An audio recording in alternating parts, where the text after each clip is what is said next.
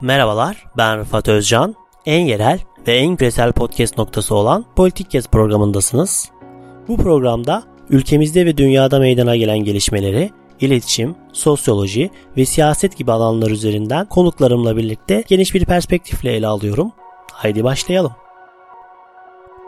Merhabalar, Politik Kes Podcast programına hoş geldiniz. Bugün 14 Mayıs 2021, 14 Mayıs 1950 seçimlerinin 61. yıl dönümü ve biz bugün 14 Mayıs'ın Türkiye demokrasisi için anlamını konuşmak istiyoruz ve bugünkü konuğum bizim e, Podcaster app'in altındaki yaşam kültür kategorisinde yayın yapan Nerede O Eski Günler podcast programının programcılarından biri olan Emre ile beraberiz. Emre programa hoş geldin.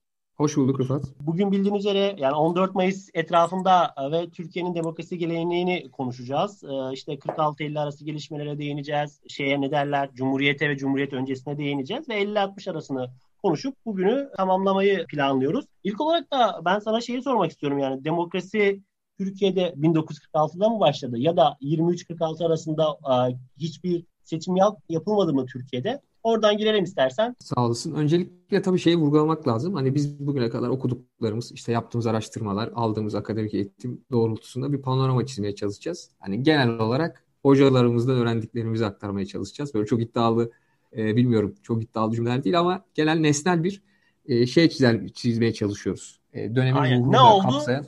ve bunun anlamı neydi Türkiye için? Bunu anlamaya çalışan bir şey olacak. E, tabii 14 Mayıs olması vesilesiyle e, 1950 ilk e, çok partili rejimin Cumhuriyet tarihinin tabii ilk seçimi olarak da kabul edilebilir. Ama bunun tabii öncesi var. Yani 1923'ten önce de bizim meşrutiyet gibi çok önemli bir ikinci meşrutiyet özellikle çok önemli bir e, demokrasi yolunda atılan bir adım var ve ilk genel seçim Osmanlı döneminde aslında ilk çok partili seçim diyelim 1908. Daha sonra İttihat ve Terakki'nin artık iyice güçlendiği ve tek parti iktidarına dönüştüğü yıllara kadar da seçimler yapıldı. Ve oradan kalan çok büyük bir miras var. Bu miras Cumhuriyet dönemine de taşındı tabii ki. 1923'ten sonra tabii hem dönem atmosferi hem o dönemin genel olarak demokrasiye olan yani çevre bölge yani demokrasinin anlamında dünyada ve Avrupa'da da çok noksan bir şey vardı tabii. Tablo vardı. Ve ardından Cumhuriyet dönemi, Cumhuriyet kuruluyor. Ardından seçimler yapılıyor. Ancak bu seçimler farklı. Tek partili dönem ait seçimler. İşte 1923, 1927, 1931, 35, 39, 43 seçimleri yapılıyor. Bunlar genel seçim.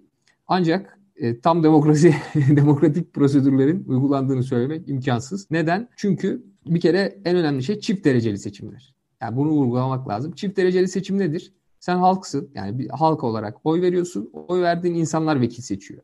Ve bunlar genel olarak işte partinin o zamanki lideri işte ilk önce Mustafa Kemal daha sonra İsmet İnönü'nün işaret ettiği insanlar oluyor. Yani herhangi bir demokratik süreçten bahsedemeyiz. Sadece seçimden bahsederiz diyebilirim. Bu 1946'ya kadar olan seçimleri bu şekilde özetleyebiliriz. Aslında ilginç bir not var. Cumhuriyet tarihinin ilk çok partili seçimi olarak 1930 belediye seçimleri gösteriliyor. 1930'da yapılan belediye seçimlerinde biliyorsun o zaman Serbest Cumhuriyet Fırkası denemesi var aslında 20'li ve 30'lu yıllara damga vuran iki tane parti var. Denemesi var diyelim.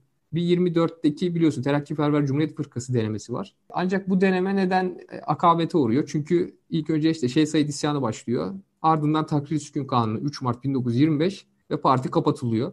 E, Terakkiperver Cumhuriyet Fırkası'nda işte Rauf Orbay gibi işte Kazım Karabekir gibi İstiklal Mücadelesi'nin çok simge isimleri var.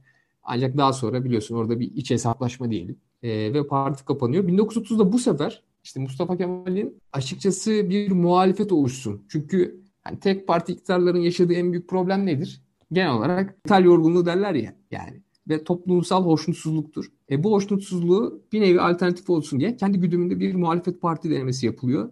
Ancak 1930'daki Serbe Cumhuriyet Fırkası'ndaki sıkıntı da şu. Gereğinden fazla teveccüh görüyor ve kontrolden çıktığı düşünüldüğü için Atatürk'ün zaten tayin ettiği bir parti başkanı var e, Ali Fethi Okyar. Ancak bu parti denemesi de maalesef diyelim yani koşullar e, ölçeğinde akamete uğruyor ve 30'lu yıllarda bu şekilde geçiyor. 1943 genel seçiminde şöyle bir dipnot var. İlk kez yani işaret edilenden fazla yani vekil kontenjanından fazla aday belirleniyor. E, bu bile bir hoşnutsuzluğa yol açıyor. Yani bir kontenjan var diyelim. Vekiller zaten tayin ediliyor bu arada. Hatta çoğu vekil biliyorsun bu ünlü hikayelerdir. E, vekil olduğu ile hiç gitmemiş olur. İşte sallıyorum Gümüşhane. Adam hiç gitmemiş ama Ankara'dan tayin edilmiş. 1943'ün de öyle bir e, hafif demokrat bir havası var. E, işte bir kontenjana 2-3 tane diyelim e, vekil adayı tayin edilmiş. E, bu tip bir girişim var. Ve daha sonra İkinci Dünya Savaşı var. E, çok önemli. Türkiye'yi de çok etkilemiş olan bir süreç. 1939-1945. E, savaşın ardından müttefik devletlerin kazanmasıyla bir nevi demokrasi kazanmış oluyor. Amerika artık Batı bloğunun lideri olarak, lokomotif olarak ön plana çıkıyor ve ardından da e, tahakkümünü ilan ediyor. Ve Türkiye o sırada artık dünya hep söylediğimiz şey var ya 45 sonrası iki kutuplu dünyaya geçişte işte bir Sovyet bloğu, bir Amerika bloğu ya da Batı bloğunun liderliği işte Amerikan şemsiyesi altında diyelim oluşuyor ve Türkiye orada yönünü tayin etmeye çalışıyor. Ve 30 seçimlerinde bir de şey vardı değil mi galiba? Ya Sam Samsun'da büyük bir başarıları var değil mi? Aynen Samsun orada Demokrat Parti galiba orada kazanıyor. Ay pardon Serbest Cumhuriyet Fırkası. O önemli yani Samsun gibi böyle çok beklenmeyen bir başarı olmuş. O tabii şey tetikliyor yani muhalefeti gereğinden önce mi yaptık böyle bir girişim diye. Ama bu bence çok değerli bir girişim. Daha sonra işte Kırklı Demokrat Parti'ye de tevarüz ediyor o girişim. Neden bir kuşaktan kuşağa? Mesela şey hikayesi var işte Samet Ağaoğlu'nun babası Ahmet Ağaoğlu o zaman Serbest Cumhuriyet Fırkası'nda var. Hani bir bir nevi onun özelinde de bir şey yani Demokrat Parti kurulurken yeni bir muhalefet damar kurulurken 1946'da aslında 1930'daki o girişimin de bazı mirasları, bazı özellikleri bir nevi tavarüş ediyor. Miras olarak kalıyor. Yani her girişim aslında demokrasi yolunda yapılan her girişim sonraki girişimler için önemli bir zemin hazırlıyor diyebiliriz. Şey Ahmet Ağoğlu da e, şey Kemalist liberal diyebilir miyiz? Değil mi? Öyle ya öyle zaten, o şekilde. Aynen haklısın. Ee, zaten hani liberaller daha çok böyle hani muhalif kanadın e, temsilcileri oluyorlar. En azından Türkiye'deki ilk o e, Cumhuriyet'in ilk yıllarında diyebiliriz. Ay, aynen öyle. Onda bireyle ilgili böyle kitapları falan vardı. Onu e, hatırladım birden. E, bir de şimdi e, çok güzel 1908 ile 45 arasını güzel bir şekilde özetledim. 1945 yılına geldik ve artık 1946'ya doğru giderken dörtlü takrir ortaya çıkıyor ve CHP içinde bir muhalefet ortaya çıkıyor. Yani burada yani bu dörtlü takrinin ortaya çıkış sebeplerine baktı, baktığında sen neler görüyorsun? Ya şöyle bir okuma yapılır genel olarak. Dörtlü takrir şeyin CHP'nin içinden çıkan bir muhalif grup. İşte bunlar kim? Adnan Menderes, Celal Bayar, Fuat Köprülü ve Refik Koral'tan biliyorsun. Bir önerge yayınlıyorlar ve bir nevi yani o önergeyle beraber bir nevi şeyi ilan ediyorlar. Hani muhalif damarlarını. Bunun çok önemli bir sebebi var. Bu çok ilginç bir konu. Biliyor, şeyi duymuş ya yani bilirsin. Çiftçi topraklandırma kanunu. Bu kanun işte CHP'nin 45 yılında bir kanun önerisi diyelim, kanun diyelim. İşte amaç e, topraksız köylüye çeşitli e, topraksız köylü topraklandırma girişimi diyelim. Çiftçilere devletin elindeki kamu hizmetlerinde bulunan toprakları verme. Şimdi buna tabii karşı çıkan bir cenah var. Aslında bu çok iç hesaplaşma gibi oluyor bir nevi. Bunlar kimler? Toprak ağları. Onlar kendi tahakkümlerine zedeleyecek böyle bir girişimi ön alıyorlar. Ve bu ön alanların da ya burada tabii aslında başka bakış açıları da yapılabilir. İşte siyasi bağlamda da e, farklı dünya görüşlerine de e, şey yapılabilir ya da daha pragmatik açıdan zaviyeden de bakılabilir. E, Menderesler ve onlar zaten e, bunun temsilcisi oluyorlar. Yani bu karara muhalif oluyorlar ve ardından da o ihtilaftan doğan ama zaten genel olarak da o kopuş olur. Yani parti işlerinde muhalif damar her zaman olur. Çünkü çok fazla aslında CHP içinde de hizip var. Bunu biraz sonra daha örneklendireceğim. E, ardından da bu içeride olan kesim 7 Ocak 1946'da Demokrat Parti'yi kurar. E, tabii bu kuruma açısından da hani zaten CHP yönünü belirlemiş. Batı bloğuna gitmiş. Bunun birkaç önemli hadisesi var. Onlardan da hemen bahsedeyim. Ee, San Francisco konferansı var. Bu 1945'te yapılıyor. Cumhuriyet Halk Partisi ya da Türkiye diyelim. Oraya Birleşmiş Milletler'e üye oluyor. Bu Birleşmiş Milletler'i teşekkür ed- ediyor ve dünyada artık böyle bir oluşum var. Bunun sebebi ne? İşte 1919'da bir hata yapıldı. İşte Birinci Dünya Savaşı'nın ardından adil bir dünya düzeni kurulmadığı için İkinci Dünya Savaşı'na yol açıldı ve dünyanın en kanlı belki de savaşı olabilir tarihteki. Ve bu savaşın neticeleri çok ağır oldu. İşte Naziler gibi e, kontrol edilemez bir güç yaratıldı gibi bir düşünceyle 1945 sonrası dünya yeniden dizayn ediliyor. Bu dizaynın ana omurgası Birleşmiş Milletler. Şu Dünya Bankası var, IMF var bunlar kuruluyor. Tabii daha kapitalist ve batı bloğunun hegemonyası altında kurulacak bir dünya dizayn ediliyor. Türkiye hepsine üye oluyor ilk aşamada. Ve bunun bir doğal getirisi de şu oluyor. Artık daha demokratik bir düzene geçiş var. Yani artık demokrasi şemsiyesi altında bir gruplaşma, e, bir konsensüs oluşacak. E, bu da Türkiye'nin demokrasiyi artık benimseme yolunda e, kararlı olmasına sebep oluyor. Tabii ki bu geçiş belli bir kontrollü altına yani daha kontrol edilebilir muhalefet bloğu yapılması tercih edilebilir. İlk etapta o yüzden döklü takrire karşı genel olarak olumlu bir hava olduğunu söylemek gerekir. Hem CHP için hem de genel olarak Türk medyası için de. Çünkü genel olarak hoşnutsuzluk var. Tek parti döneminin bir yorgunluğu var. Yaklaşık 23 senelik bir CHP ve yani antidemokratik bir sürecin sonunda gelmiş. Ee, onun üzerine de böyle bir dörtlü takrir oluşumuna karşı aslında bir yol açılmış diyebiliriz. 46 işte Demokrat Parti kuruldu. Bir de 46 seçimleri ha, var ve 46 seçimleri de tartışmalı seçimler. Ya belki o seçime ve seçim sistemine de biraz e, değinmek burada doğru olabilir. 46 seçimi çok ilginç. Şöyle bir kere erken seçim. onu söylemek lazım. Normalde bir sene sonra. Evet. Erken seçim onu bilmiyordum mesela. Ha 43'te olmuştu dedim biraz önce. Doğru. seçim yapabilirse gerçekten e, büyük bir aşama kaydetmiş olabilir. Yani bak 70 sene geçmiş. Her zaman erken seçim gündemde. Yani Türkiye'nin ilk seçim bile erken seçimdi yani. 1946 seçimi. E şöyle işte CHP daha kontrolünde bir muhalefet. Artık o yola girilmiş açıkçası. Demokrasiye geçiş yapılacak. Hem dünyadaki gelişmeler buna yönlendiriyor hem de iç gelişmelerde. Yani kimsenin e, tabii muhalif bir damar var. Ona da bahsedebiliriz kısaca ama geçiş olacak. Ve ardından 1946'da ilk genel seçim yapılıyor. Hatta tam tarihine bakayım. 21 Temmuz 1946'da ilk seçim yapılıyor Türkiye'de. E, bu arada 1946'daki e, atmosferde hem bu çok partili sürece geçiş anlamında hem de toplumsal anlamda da çok önemli gelişmeler var. Yani bir sürü mesela parti kuruluyor aslında. E, ve bu kurulan partiler mesela sosyalist partiler falan var. Ama tabii onlar kapanıyor. Çünkü o kadar da hani büyük bir demokratik gelişme yok.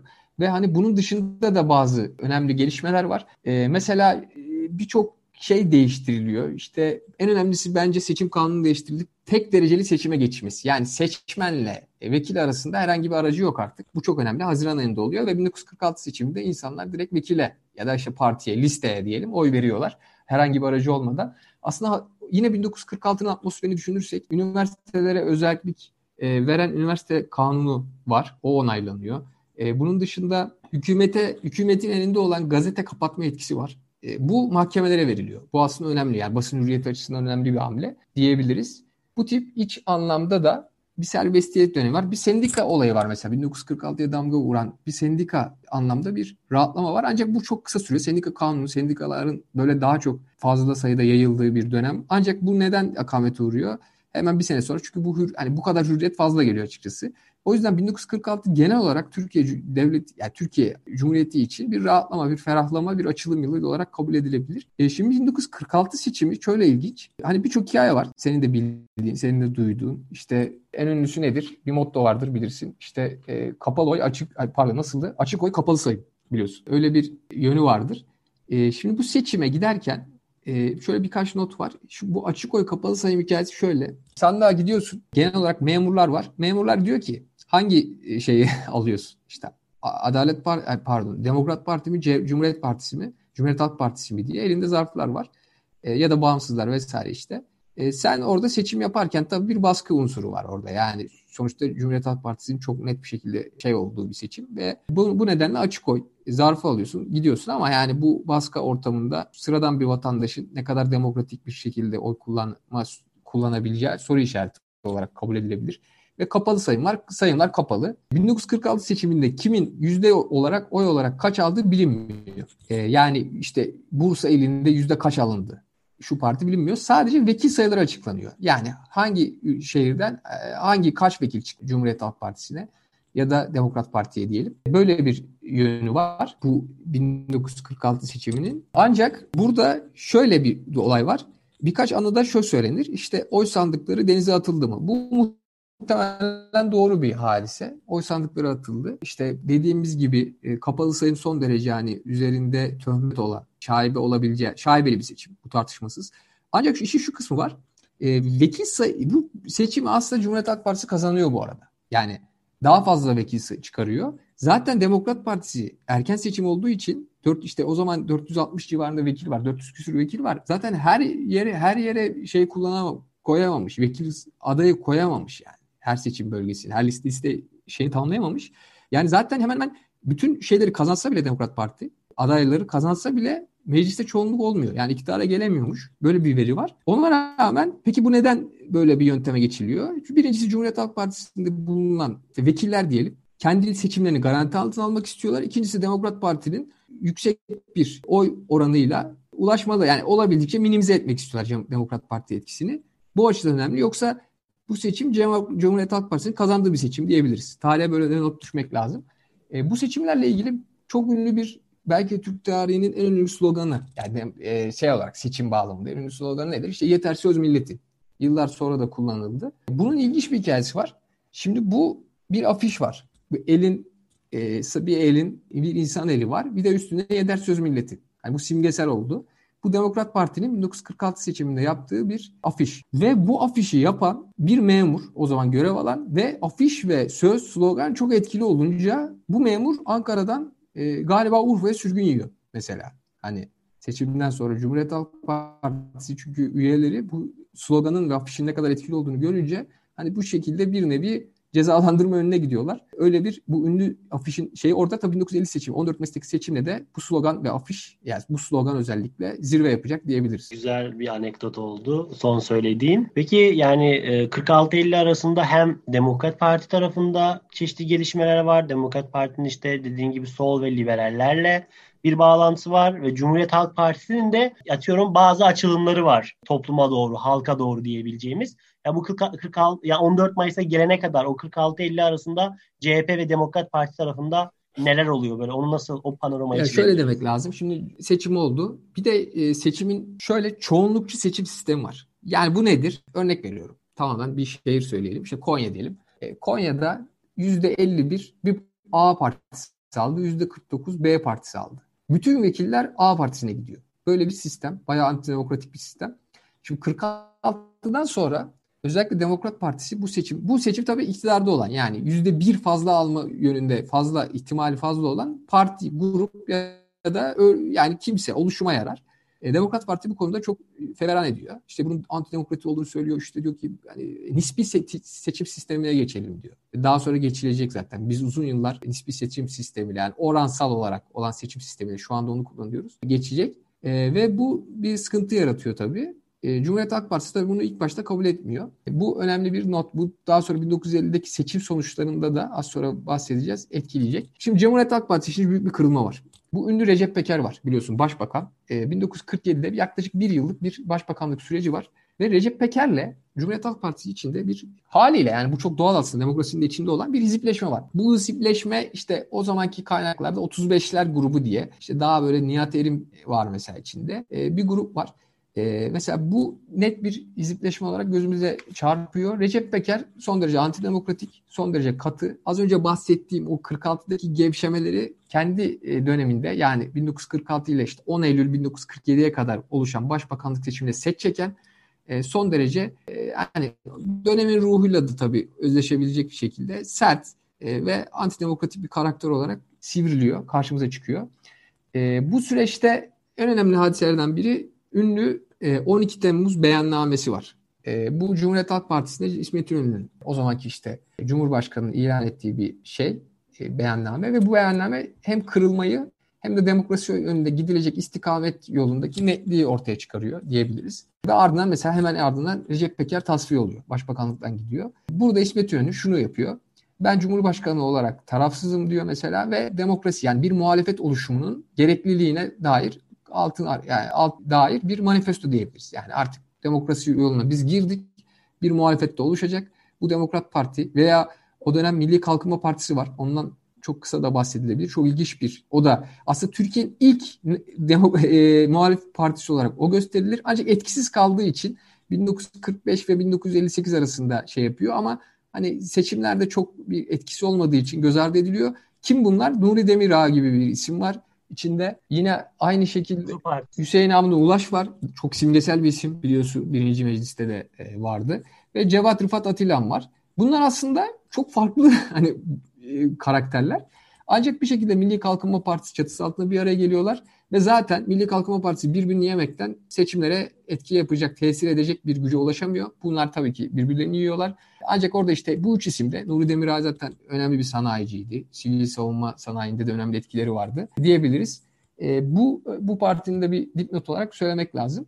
12 e, Temmuz beyannamesi bu anlamda bir etki yapıyor ve CHP içinde hizipleşme ve gruplaşma anlamında işte kimi blokların tasfiye olmasına yol açıyor. Ancak genel olarak çok o zaman o zaman o, dönem için çok tartışılan bir şey diyebiliriz. Ve e, şunu da bir, bir net bir şekilde vurgulamak lazım. Türkiye artık tamamen Batı bloğunun seçmiş durumda.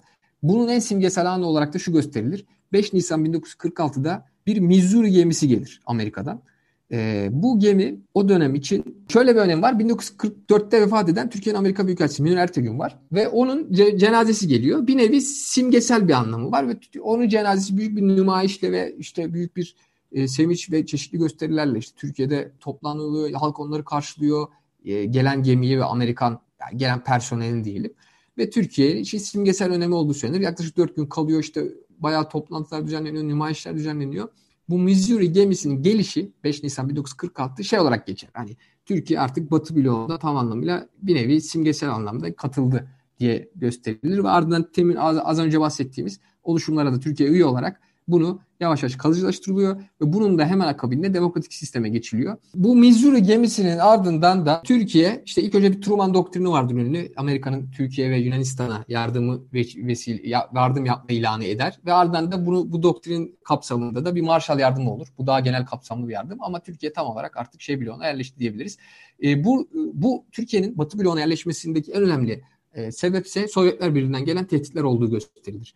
Şimdi bu tehditler neler? Sovyetler Birliği ile Türkiye 1925'te saldırmazlık paktı imzalıyor. 20 e, senelik. Ancak Sovyetler Birliği ilk önce e, bu ünlü Molotov ve Selim Sarper görüşmesi var. İki tane görüşme yapıyorlar. Selim Sarper Türkiye Dışişleri Bakanı, e, Molotov da Sovyetler Birliği bloğunun Dışişleri Bakanı. Bu görüşmelerin ardından, bu iki görüşmenin ardından Sovyetler Birliği'nin Türkiye'ye şunu dediği söylenir. Birincisi Ardahan ve Kars, Ardahan, Artvin bu üç şeh bu üç şehri istedikleri söylenir. Toprak talebi, ikincisi de üst talebi. Yani boğazların kontrolünde söz hakkı sahibi olmak ki bu Türkiye'nin egemenlik anlamında bir ihlali, egemenlik sahasında bir ihlal anlamı taşıyor ikisi de. Ve bu iki sebebin Türkiye'yi e, Batı bloğuna yakınlaştırdı. E, Batı bloğunun da işine yarıyor. Çünkü Sovyetlere karşı kaybedilmiş bir Türkiye, Sovyetler tarafına geçen bir Türkiye bloğu e, Soğuk Savaş dönemi başlamışken Batı içinde son derece dezavantajlı bir konu teşkil eder. E, burada tabii yorumlara açık bir şey bu. Çünkü kimisi şöyle diyor.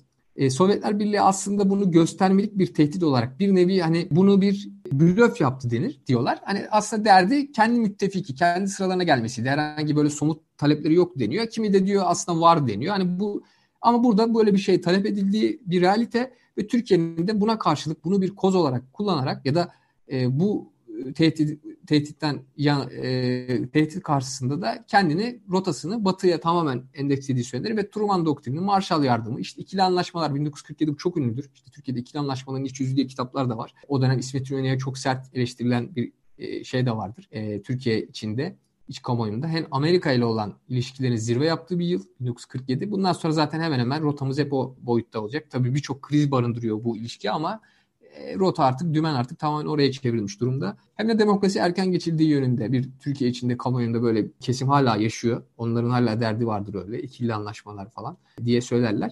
Ve ardından Türkiye Batı bloğuna geçmiş durumda. Sovyetler tehdidi bunun için önemli bir sebep olduğu düşünülüyor. İstersen 1950 seçimine doğru gidelim. Yani 1950 seçimlerinin belki yani o, o seçim kampanya sürecinden bahsedebilirsin ve sonrasında da 14 Mayıs'ın 1950 de, e, şey Türkiye demokrasisi için ne anlam ifade ediyor? Bundan bahsedebilirsek güzel olur. Tabii Türkiye sosyolojisi değişiyor dediğimiz gibi ve iki blok oluştu. Abi Demokrat Parti ile CHP, Cumhuriyet Halk Partisi ilk seçime doğru gidiyor. E, bu seçimde elimizde veriler var. Yani oy oranlarını biliyoruz, sonuçları biliyoruz. Hani 1946 gibi çok böyle aslında çok ilginç. Yani arada 4 yıl var ama 1946 hakkında veriler o kadar az ki. Yani sadece vekil sayıları biliniyor. Hatta Demokrat Parti'nin kaç vekil çıkardığı net bilinmiyor. Yani her böyle üç farklı kaynaklarda farklı rakamlar var mesela. 1950'de herhangi bir tereddüt yok. 1950 seçiminde yeter söz milletini slogan haline getiriyorlar ve daha demokratik bir atmosferde yapılıyor tabii daha önceki gelişmelerle de beraber e, ve bu seçimde Demokrat Parti %55, Cumhuriyet Halk Partisi %40. Ancak vekil sayıları çok dramatik olarak değişiyor. E, yaklaşık 416 vekil Demokrat Parti, 69 vekil CHP, Cumhuriyet Halk Partisi. Şimdi neden böyle? Çünkü seçim sistemi çoğunlukçu bir yapıya sahip. Yani tem, az önce bahsettiğim gibi bir şehirde en çok oy alan parti hepsine sahip oluyor vekilleri. Buna muhalif olan Demokrat Parti kendi katıldığı 3 seçimde de, 3 genel seçimde de diyelim herhangi bir şekilde bu sistemi deniyor çünkü içine geliyor. İktidar partisi olduğu için. E, Cumhuriyet Halk Partisi ilk başta bu seçim sistemini çünkü şöyle bir şey var. 14 Mayıs'a giderken 1950'de her iki taraf da Cumhuriyet Halk Partisi kazanacağını düşünüyor aslında. E, ancak sonuçlar Cumhuriyet Halk Partisi'nin cenahında bir yıkıma yol açıyor. Cumhuriyet Halk Partisi'nde 1950 seçimi bir yıkıma yol açırken Demokrat Parti'de tabii büyük bir sevinci yol açıyor. Bu 4 yıl içinde gittikçe artan bir e, gerilim var açıkçası iki blok arasında. Bu gerilim tabii 50-60'lı 50'li yıllara damga vuracak ve sonunda da 27 Mayıs'a giden yolu açacak. Çok büyük gerilim var. Yani bugünkü gerilim ne kadar varsa o gün de o kadar var. Hem söylemsel hem de şey anlamında pratikte de görülüyor. Yani insanlar arasında, vatandaşlar arasında da büyük bir e, sıkıntıya yol açıyor. Ve 1950 14 Mayıs'ta az önce verdiğimiz oy oranlarında düşünürsek e, böyle bir sonuç ortaya çıkıyor. Şimdi birkaç ilginç bilgi var bu seçimle ilgili. Onlardan hemen bahsedeyim. Mesela Ankara'da Demokrat Parti %49 alıyor. Cumhuriyet Halk Partisi %42 alıyor. İstanbul'da Demokrat Parti %52, Cumhuriyet Halk Partisi %24. Cumhuriyet Halk Partisi genel olarak tabii Ege'yi, Marmara'yı ve Orta Anadolu genel olarak Demokrat Parti süpürüyor. Ancak Cumhuriyet Halk Partisi'nin çok başarılı olduğu iller var. Yani daha çok önde olduğu ve bütün vekilleri çıkardığı iller hangi iller dersen Kars, Malatya, Bingöl, Bitlis, Erzincan, Hatay, Hakkari gibi illerde Cumhuriyet Halk Partisi daha çok oy alıyor. Hani aslında bunu beklemezsin genel olarak. Yani bu tabii tahlil edilmeye muhtaç bir sonuç ama Cumhuriyet Halk Partisi böyle bir şey yapıyor. Şunu da vurgulamak lazım. 23 senelik bir tek parti dönemin ardından da Cumhuriyet Halk Partisi'nin %40 gibi bir oy oranı alması aslında bir başarı olarak da görülebilir. Hani nispi ve daha adil bir e, seçim dağılımı olsaydı e, iki partide daha e, birbirine yakın düzeyde vekillerle temsil edilecekti. Ancak 14 Mayıs bu anlamda beyaz ihtilal olarak da geçer biliyorsun literatürde. Bu anlamda hani Demokrat Parti için, Türkiye içindeki hoşnutsuzluklar için büyük bir zafer olduğu söylenebilir yeter söz milleti sloganı bir nevi vücut buluyor diyebiliriz. Tabii bu dönem e, liberaller var Demokrat Parti çatısı altında. Hani daha liberal görüşü olan aslında Cumhuriyet Halk Partisi'den işte gelenler de var. E, ancak bu gelenler ve liberal diyebileceğimiz kesimler e, yıllar geçtikçe kopuşlar yaşanacak Demokrat Parti içinde 50'li yıllar içinde. Burada bir güzel bir laf var. Onu da vermek istiyorum. Bu ünlü Nihat Erim. 70'li yıllarda başbakanlık da yapmıştı. Cumhuriyet Halk Partisi'nin çok önemli bir ismiydi. Onun güzel bir lafı var. İşte kendi elimle kesip yare verdiğim kalem fetvayı hünü ne hakkımı yazdı iktida. Ya burada şunu kastediyor. Nihat Erim seçilemiyor. E, e, aday olduğu ilden seçilemiyor 1950 seçiminde ve ardından çok üzüldüğü şekilde bu notu veriyor. Çünkü e, diyor ki yani biz Cumhuriyet Halk Partisi olarak kendimiz bir sistem yarattık, demokrasi, demokrasiye geçtik. Ancak şimdi burada kaybeden taraf olduk. Yani kendi açtığımız yoldan seçilemez duruma geldik diyor. Öyle bir güzel bir şey var. Serzeniş diyelim. Yani şimdi 1950 14 Mayıs'ı da konuşmuş olduk böylece. Bir de son olarak böyle e, zamanımızda bitmek üzere 3-4 dakika yani 3-4 dakika tabii çok az olur bunun için ama yani bu Şükrü Hanioğlu'nun Türkiye e, demokrasisi için söylediği bir söz var. Sen de nerede o eski günlerde aslında o söze atıf yapmadan e, onun dediğinin aynısını söylüyorsun. Bir muhalefet söylemi olarak demokrasi var diyor Türkiye'de. Yani var demokrasi ama bir söylem olarak var diyor.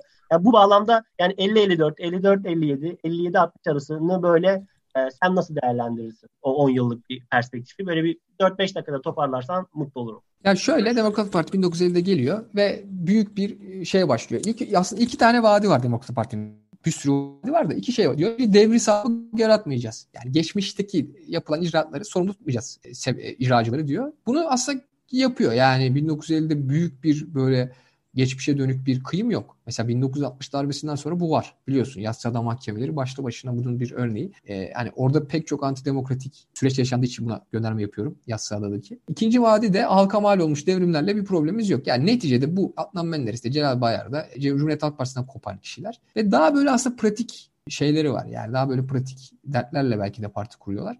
E, genel olarak buna doyuyorlar. Mesela ezanın Türkçe, Arapça okunmasına yeniden cevaz verilmesi gibi böyle hakikaten hani toplumun asla kabul etmediği biliyorsun 18 sene boyunca ezan Türkçe okumuş gibi hamleleri var. Ama genel olarak o çizgiden de şaşmamaya çalışıyorlar. Bu Atatürkçü, Atatürk'ü koruma kanunu çıkaran mesela Demokrat Parti 1953'te işte Atatürk heykellerine yapılan e, saldırıların akabinde böyle bir karar alınıyor. Ve genel çizgi olarak da o şeyden kopmuyorlar. Bir önemli dipnot e, NATO'ya üyelik. 1952'de Türkiye NATO'ya alıyor. Bu ne demek? Bu da dış politikada e, CHP'nin verdiği bayrağı devam ettiriyorlar. Ve NATO'ya hatta üye olmak için de biliyorsun Kore'ye asker yollanıyor. İşte Türkiye 700'ün üzerinde asker e, şehit oluyor Kore'de. Bu önemli bir hadise. O dönemin ruhunu da anlamak için. Ancak 1952'de NATO'ya üye olunmasıyla zaten şey tasdikleniyor artık yani. O 45 gibi başlayan, e, savaş sonrası başlayan e, dış politika anlayışı o günden sonra Türkiye artık Batı bloğunun iyi ya da kötüsüyle, bir tartışmasıyla bir parçası oluyor. E, 1950'den sonra seçim geleneğimiz bugüne kadar işte darbelerle kesintiye uğrasa da hep devam etti. Bu yönde Türkiye iyi bir karneye sahip. Çevre ülkeleri de baz alırsak kesinlikle çok iyi bir karneye sahip. E, ve demokrasi hep işledi. E, gerilim 50'li yıllarda her geçen gün arttı arttı. Birçok fiziksel saldırı oldu, cepheleşme oldu. İnanılmaz laflar var. Ben bunu hep söylüyorum. Zaten hani benim söyleme gerek yok. Bizim hocalar, işte profesör olsun, yazar beslendiğimiz kaynaklar da bunu doğru diyor. E, Altan Öymen'in mesela bir kitabı vardı biliyorsun. O da onu anlatıyor yani genel olarak. Birbirlerine karşı ya bugüne çok benzer bir panorama var diyebiliriz. Ve Türkiye daha sonra işte hani bu şu anki programda konusu olmayan bir şekilde 27 Mayıs'a gidiyor. Darbeyle neticeleniyor. E, ama 14 Mayıs Türk demokrasi tarihi için bir nevi aslında daha öncesi olsa da e, Cumhuriyet tarihi için e, en önemli şeydir diyebiliriz. E, dönüm noktasıdır diyebiliriz. E, hem sosyolojik hem birçok açıdan. Çünkü 50'li yılların bir başka önemli fenomeni de gelen göç dalgası. Yani 50'li yıllarda artık zaten hani 19 şöyle bir veri var. 1945 ve 50 yıllar arasında köyden kente göç 214 bin diye bir veri var. Ancak 50-55 yıllar arasında 904 bin. Yani bir anda yaklaşık 5 katına kadar çıkıyor. 4,5 kat diyelim hatta tam rakam olsun. E, göç dönemi başlıyor. Artık Türkiye kentleşme sürecine de girmiş oluyor. Bunun tabii birçok hem sosyolojik hem diğer açılardan sonuçları ve neticeleri de olacak diyebiliriz.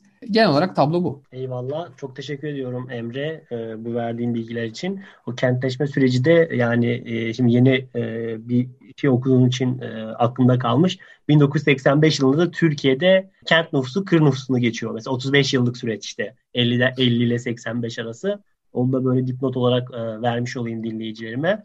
Ben sana katıldığın için çok çok teşekkür ediyorum. Bu tarihi background'u verdiğin için. Nerede o eski günlerde çok güzel programlar yapıyorsunuz. Ee, Türkiye'de sağ siyasetteki cereyanları işlediniz. Sonra sol siyaseti bitirdiniz. Artık sanırım e, liberallere geçiyorsunuz ve onun dışında da Türkiye'de yani kimsenin çok fazla konuşmadığı bazı konular konuşuyorsunuz Emre, Emre sen ve Cenk olarak programda. Bu programın linkini de programın açıklama kısmına bırakacağım. E, merak edenler onu da dinleyebilirler. Politik Kes programından çok daha ilgi çekici olduğunu söyleyebilirim. Çok daha fazla hoşunuza gidecektir. Onu da kesinlikle dinlemenizi öneririm. Emre tekrardan çok teşekkür ederim. Eyvallah abi. Yine başka programlarda görüşürüz. Politik Kes'i dinlediniz. Bir, bir sonraki programda görüşmek üzere. Kulağınız bizde olsun. En yerel ve en küresel podcast programı Politik Kes'i dinlediniz. Bizi Spotify, Apple, Google Podcast üzerinden ve sosyal medya hesaplarımızdan takip etmeyi unutmayın. Yeni başlıklar ve konuklar için kulağınız bizde olsun.